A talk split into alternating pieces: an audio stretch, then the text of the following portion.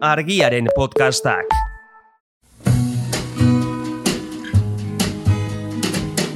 Don't know much about history.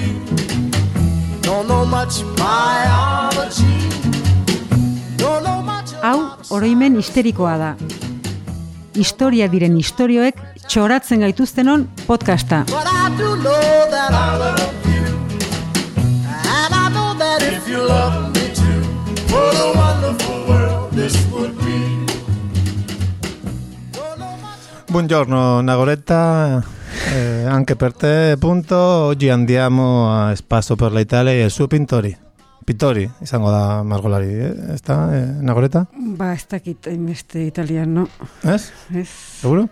ez. Bueno, baina italiara bagoaz. Italiara goaz, amase eta amazazpigarren mendetako e, bi italiar margolari e, izango ditugu gaur izpide. Ah, ba, Michelangelo edo alako baten bat. Rafael, Leonardo, Da? Donatello. Bai, Donatello, hori salda, dortoka ninja. e, lauak esan ditugu. Ah. Bai. Ja. Sa- Sandro Botticelli ere, ez, ez dago e, talde horretan, baino bai, baino ez, pixka bat berrixeagoa dira. E, ernazimentu bukaera, barroko hasierakoak eta igual Caravaggio, igual ezagunena, Mm. Bernini, Bernini gehiago arkitektoa eta eskutorea zen, baino margolaria ere Mm, ja. bazen, Carracci, Tiepolo, Ino, baino hiek italieraz ere, dakizu, baina bestea bai, eh? e, bai, baino e, ez dira hoiek ere, Ez da ere? ez, ez. orduan, ja, Aipatu ditugun guztiak daukate ezaugarri bat komunean. Mm, pintzela. Gure bi margolariek ezaukatena. Pintzela? Bueno, entzungo dugu. Dórica, Dórica, Jónica, Jónica,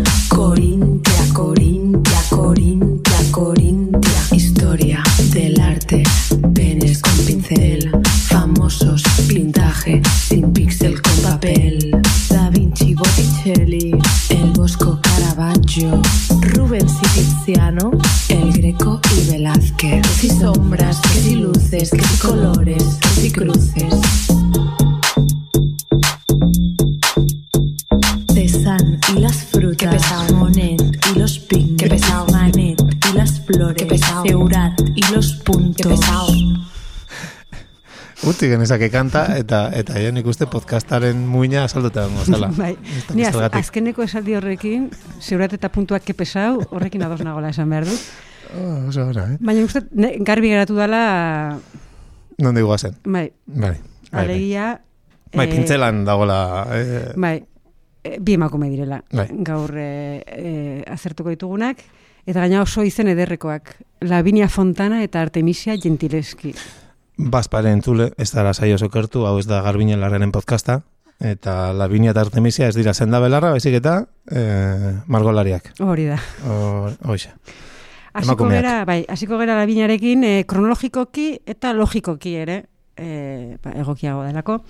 Lavinia Fontana Bolonian jaio zen, mila bosten da berrogeita mabian, eta erroman hiltzen, e, mila zireun da malauan, ba, irrogeita bi urte betetze hartzela, Eta garai hartako emakume margolari apur e, gehienekin gertatzen zen bezala, ba, prospero aita margolaria zuen eta haren tailerrean e, hasi zen, haren tailerrean ikasi zuen. Eta ba, hori, pintura bizibide izan nahi zuten e, emakume askok ere egin behar izan zuten bezala, e, beste margolari batekin, tailerreko beste margolareki batekin e, ezkondu zen, Gian Paolo Zapirekin. Eta baina e, ordura arte emakumeek, e, emakume margolariek e, lortu ez zutena lortuko zuen e, labiniak. Aurrekaria dugu. Bai, bai, bai. Zertan. Ba, adibidez, aita hil ondoren, e, 2000, oh, barkatu, 2008an e, Romara joan zen, eta e, taller propioa sortu zuen. Mhm. Gero, Clemente zortzigarren aita santuaren gorteko pintore ofiziala izan zen, Hora, ez da gutxi izango, ez? ez? Eta gero, Clemente itzenean ere, Paulo Bosgarrenarekin e, e, zera, gorteko erretratu gile ofiziala izan zen. Akademia dilukako kide izendatu zuten, hau da, ez? E, arte derretako akademia bateko kide izatea lortu zuten, lortu zuen. Eta gero, e, tamaina handiko eta gai importantei buruzko obrak e, margotzeko mm, baimena edo e, eman zioten, ez? E, gai erligiosoak eta gai mitologikoak, ez? Azkenean, Gai potoloak. hori da, emakumea bigarren mailako gizakia denez, pues, e, bigarren mailako ez, obrak... E, Oso txikitxoak. Bai, Osoagoak. adina. bai, tamina txikiko, ba, erretratuak eta horrelakoak, Bai. ez? Baina, baina beste, ez? Ja, Kuadro eta, eta hortan, pues, hori, hortan bidea ireki zuen eh, labiniak, eta gai mitologikoarekin lotuta, beste gauza bat, gai mitologikoak daukana da, biluziak. Eta hori ere debekatua zeukaten, eh, emakume margolariek, e, biluziak e, margotzea, eta labinia izan zen lehengoa, bai gizonezko eta bai emakumezko biluziak egiten, ez? Osa, biluzi agertzeko baimena bazuten, margoetan, baina biluziak margotzeko, Bai, hori da Ja. beste, beste gai potolo bada, eh? Musak eta modeloak. bai. En fin, bada, beste gauza bat ere egin zuen, e, ez zera nobedadea emakumeen e, kasuan, baino amalau aur izan zituen. Mm, Jo. Amalau erditu eta amaika bizirik edo, hazi, Ja. amala, amaika... Eta ez den opus deikoa, ze ondik ez den jaio, beste Ez, beste ez, ez, multinazionalen sektori. Vale. Orduan e, horrik ikusten ditut biharrisku, ez? Ba, ba hori, Lavinia Fontanak izan zuen garrantzia aitortzerakoan eta batetik da berari me, e, merituak entzea gizon bati emateko, ez? Senarrari emateko. Jan Paolo Zapiri emateko. Eta mm, egia da e, emazteak margotu zezan, besteak beste bera baino askoz margolari hobea zelako. Mhm. Em, etxean geratu zen, aurren zaintza bere gain hartu zuen e, gure Jan Paolok, eta, eta tailerren kudeaketan ere laguntzen omen zion. Orduan, egia da gara hortan zuraskitzela ohikoa, baina azkenean da hori, senar erdi normal bat tokatu zitzaiola, eta egia da horrek lagundu ziola ez, pues lortu zuen guztia egiten, baina baina azkenean bere talentuak eta bere aleginak, ez, e, lortu zuen, horren horri eske lortu zuen, e, pues azkenean talentu gutxiago dute, zuten eta eta alegin gutxiago egiten zuten e, gizonezkoek, ba, oso eskura zeukaten hori. Ja. Zaita jatorra, oh, bitu bera nola zintzen duen erromati buelta bat ematera joaten zenean bere fularrean bildu eta bere zenbitxa zenbat piropo jasoko zituen, ez? Hori da. Eta txoak eta, bai. Bai. Eta beste arriskoa da e, eredutzat hartzea, ez? E, batez ere kontziliazioaren eredutzat. E, hor badago e, youtuber bat eta podcaster bat e, gazteleraz egiten duena la, la señora del arte, izena uste duela Sara Rubaio, bai. Eta ia oso, oso e, lan polita egiten du, eh? Histo, e, artearen historiaz, e, hori, podcasta eta eta bideoak egiten ditu, oso divulgatiboa, eta berak ironiaz esate zuen, ez, Lavinia Fontanari buruz e, hitz egiterakoan, ba hori, ez, e, kontziliazioaren eredu bezala jartze zuen eta esate zuen, ez, e, guk ere aldugu, ez, amalagume izan eta eta pinturaren historia aldatu, ez? Eta nik uste hori arriskuatxoa dela, ez azkenean e, hori ere dutzat hartzea da, emakume hongan presio handia jartzea, eta gainera bera ere, ez, berari meritua meritu ken- kentzea. No, Lavinia zerbait izatekotan da, rara abiz bat.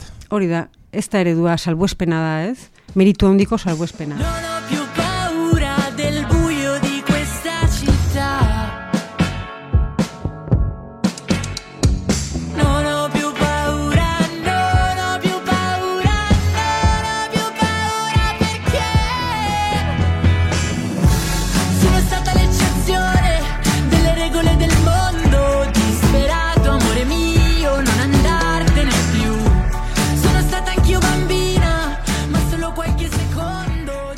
Lavinia, artista. Eta orain gozen bigarren eh, artistaren gana, eh, Jentzelistar Artemisia. Erroman jaio zen, bera, e, mila bosten dela mairuan, eta hil e, Napolesen mila zireunda berrogeita masei inguruan. Eta inguruan esaten dugu, ba, datu biografiko gutxi daudelako e, haren inguruan, badago tarte bat, mila zireunda maika amabi urtean, hor datu asko daude, gero ikusiko dugu zergatik, baino, baino bestela hori, ez dakigu asko, eta bere obra asko ere sinatu ez zituenez, batzuk aitak sinatu zituen, em, ba, bere obra osoaren bilduma egitea ere zaila da, ez? Mhm. Eta egia esan, e, biografia kontuan hartuta, hor hamar bat urte zedo, mila seirenda irutik e, amabira, e, koinzitu egin zuten erroman, Labiniak eta Artemisiak, baina, bueno, Fontanaren azken urteak ziran, Gentileskiren aurtzaro, nera bezaroa, eta horren berritzaigu iritsi behintzat, ez, ezagutzen zirenik edo harremana izan zutenik. Arekin em, beste zaugarri bat partekatzen du, e, aita, Aita. margolaria Biek zuela. aita zekaten. Bai, e, Labiniak Prospero eta eta Artemisiak Horatzio. Ostia, zeizen guapoaz eskaten lehen. Bai, bai, bai. Eta orduan aitaren tailerrean e, ikasi zuen Artemisiak ere bai, bere hiru anaiekin batera, bere ala, ba hori, e, anaiek gainen Anaia txiki, Bai. zituen. Hori da, eta aita ere bai. Em, arte dertako akademiatan sartzen e, saiatu zen, baina debekatu egin zioten, emakumea zelako. Ja. Ordurako ja, Fontana Akademia dilukan zegoen, baina bueno, Salbospenaren salbospena. hori da, hori da. Hor ikusten da, bidea ireki bai, baina gero atze, bere atzetik itxi, itxi zitzaiela berriro emakumeei ez. Eta horregatik aitak, tutore bat, e, pintura irakasle bat, e, e, zera, e, hartu zuen, ez, jarri zion, mila da maikan.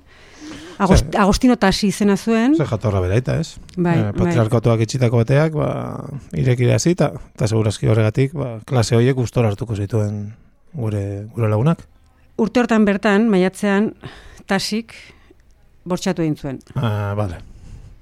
Oso ondo. Orduan e, Artemisiaren eta familiaren e, ondorra salbatzeko e, aitari, ez, oratziori agindu zion tasik e, berarekin ezkonduko zela. Ba, Baina- Konpontzeko. Bai, Mhm. baina ez zuen itzabete, ja ezkonduta zegoelako. Orduan, oratziok, e, Aitak. bai, mila sireunda amabiko maiat, e, maiatzean, ez martxoan, e, ia urte betera, erabaki zuen e, salaketa jartzea tasiren kontra, ez bortxatu zuelako, berekin ezkondu etzelako baizik. Mm, Ja. Eta hor dauzkagu, datu pila bat, e, ba hori, prozesu guztiaren inguruko dokumentazioa gorde delako, Mhm. eta hor xetasun e, batzutan oso, oso gordinak eta oso oso esplizituak, ze jasotzen ditu adibidez, jasotzen dira dokumentazioan e, Artemisiaren beraren e, testigantza dirazpena, eta Bai. benetan hori oso oso esplizitua eta oso, oso gogorra, eta jasotzen du ere em, azterketa ginekologiko bat egin ziotela, imaginatu, ia urte bete pasata, eta gara hortako ginekologia... Mm, bai, oso horrelatuta gongo zan.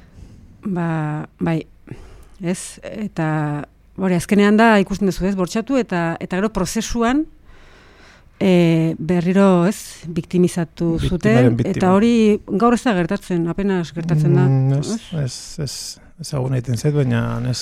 Bai, eta gainera torturatu intzuten. Ah, da. Torturatu literalki, hau da, esan dugun guztia nahikoa tortura, ez balitz, torturatu egin zuten poligraforik ezean oraindikan, ez, ba, Mm, ja. Or, orduan, e, e, Artemisia bortxatu dizuten. Eta bere aitak, gizon batek bazpare, jarri zuen salaketa. bai, Eta orduan, ez ez, da ez ez egia den e, frogatzeko, zer buratuko eta e, torturatu. Bai, eta gainera, hau da, min fisikoaz gain, imaginatu Artemisia zer sentitu bertzuen, ze tortura atzetan egin zioten, ez? E, atzak e, soka batez lotu eta gero soka estutu egin zioten. Hau da, azkenean bere pasioa eta bere bizibidea ere arriskuan jarri zuten, zorionez pintatzen jarraitu izan zuen, Eta epaia zein zen, gartzoni edo marlaski? ez dakit, baino, baino urtebeteko kartzela zigorra jarri zioten, Ah, eta erromatik erbesteratu zuten betiko. eta zi, Tasi, eh, bortzatzaia. hori da, Ah, hori da. bazpare. Bai, gero gila da, e, amabian e, Artemisiak ere e, alde egin zuela, baina ez behartuta.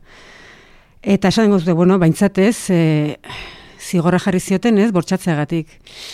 Ba, horregatik bakarrik ez, eta nagusiki ez, e, e, tasi ere torturatu egin zuten. Jo, de nola zegoen Italiako auzitegi nazionala, eh? Bai, bai, bai, esaten dezu, jo, ba, hobeto bat karra torturatzea, bi torturatzea baino, baina kasu honetan, jake Artemisiarekin hasi ziren, eh? Baina zita.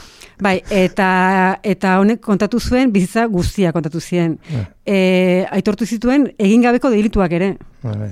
Bai, emaztea hiltzeko asmoa zuela, ez artemisiarekin ezkontzeko beste batekin ezkontzeko baizik. E, intzestu harremanak izan zituela iraganean, Horazio Gentileskiri hainbat eh, margolan lapurtzen saiatu zela ere bai, Bai, bueno, kapilla sistina bera margotu zulare zen gozun.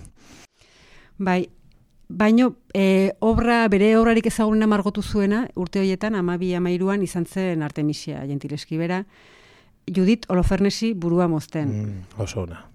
Bai, oso bortitza, oso, oso gordina. Oso grafikoa, bai, bai. Eta, bueno, ba, psikologiaren ikuspuntutik, egia esan lotura egitea ez da oso zaila, ez? E, ba, mendeku bezala interpretatu da obra hori. Lengo lepotika, lengo lepotika, lengo lepotika, lepotika, lengo lepotika, burua. Lengo lepotika, lengo lepotika, lengo lepotika, burua. Lengo lepotika, lengo lepotika, lengo lepotika, burua. Lengo lepotika, lengo lepotika. Bai, handik aurrera datu biografiko gutxi daude, ezkondu zen, beraz, familiaren ondora salbatu zuen. Mhm. Alaba bat izan zuen, gero manandu omen zen, beste alaba bat ere izan ote zuen e, e, iritsi da, e, esan dugu erromatik alde egin zuela, Florentzian, Londresen ere ibili zen, lanean, Napolesen, eta Napolesen hil zen. Eta esan dugu ikuspegi psikologikotik aztertu dela bere obra, baina ikuspegi feministatik ere bai, batez ere mila batzion da irurogeita hamarreko hamarkadatik aurrera, Mhm. Hor esan behar da, e, ba, e, Fontanak e, lortu zuen e, ospea edo ospea baina baina posizioa Berak ez zuela lortu. Em, taller propio ere ez, e, ez zuen e, sortu, baina bai sortu zuen olabait ere e, hizkuntza piktoriko e, propio bat emakumeak e, margotzerakoan. Eta hor, bai, importante da, zela binia fontanak irrikitako zirrikitu hortan bete-betean sartu zen, ez? Mhm. Eta orduan e, pintatu zituen emakume biblikoak, ba, Judit e, ikusi duguna eta Susana, e, historikoak ere, Lucrezia edo Kleopatra, e, mitologikoak, Venus Lotan izeneko e, obra e, oso, oso, oso polita da Mhm. hori. Alegoriak ere, pinturaren alegoria, e, inklinazioarena, eta esan beharra dago, aipatutako guztiak, e, Judit kenduta danak e, biluzik e, Agertzen diela. Bai, agertzen direla. Eta ez da hori bakarrik da, ere, ze jarreratan agertzen dira, Mhm. ez? E, pues emakume ausartak, indartsuak, ez? Bere gorputzean eroso sentitzen diren e, emakumeak e, pintatu zituela. Ez hoi bezala, atretzo gisa edo menpeko bezala agertzen Bai. diren Eta hor, hor beste adibide bat jarriko jarri nahi dut, eta da, 2018 bukaeran, emeretzi hasieran, e, Santelmo Museoak gorputzak asmatzen, erakusketa bat e, jarri zuen, e, eta zan e, anatomia gorputza, ez, artearen historian, eta horre, jentileskiren e, pinturaren alegoria zegoen, gizonezkoen obren artean, nabarmentzen zena, Bai. eta gainera kartela eta eskurriaren e, azalean eta... E, bere lan batekin. Bai.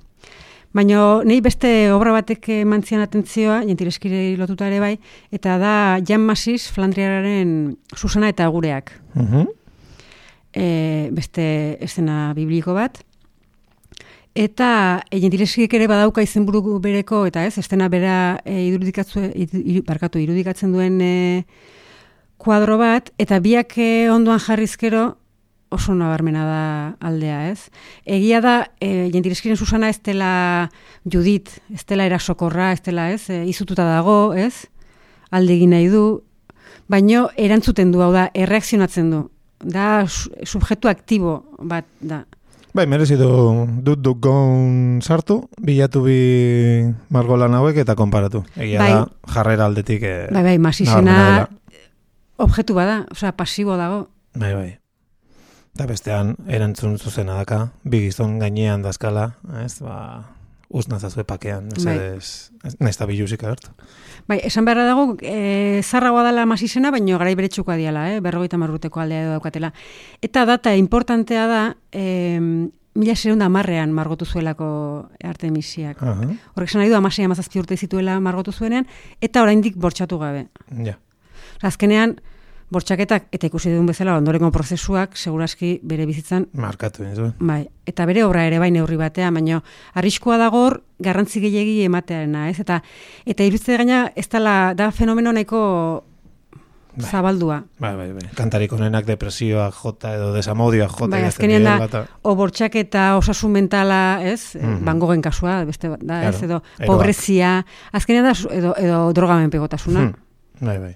Azkenean da, artisten sufrimentua romantizatzeko joera dagola. Eta azkenean, sufrimendu hori e, inspirazio itzur, iturritzat jotzeko joera hori. Eta azkenean hori da artista gutxi estea. Bai. Bueno, Ba, bakizu, eh? E, Fontana eta Gentiletxi, Lavinia eta Artemisia, zakil pintzelen artean, ba, bada salbuespenik eta bada adorerik, ezta? Bai, eta gainera hori, e, talentu handia zuten, lan izugarria egin behar izan zuten, eta eta ez ziren hortara iritsi ez senarrari eta ez jakina bortxaketari esker. Hortxe gatzea. Urrengo aste arte. Arri bedertxi. Argiaren podcastak.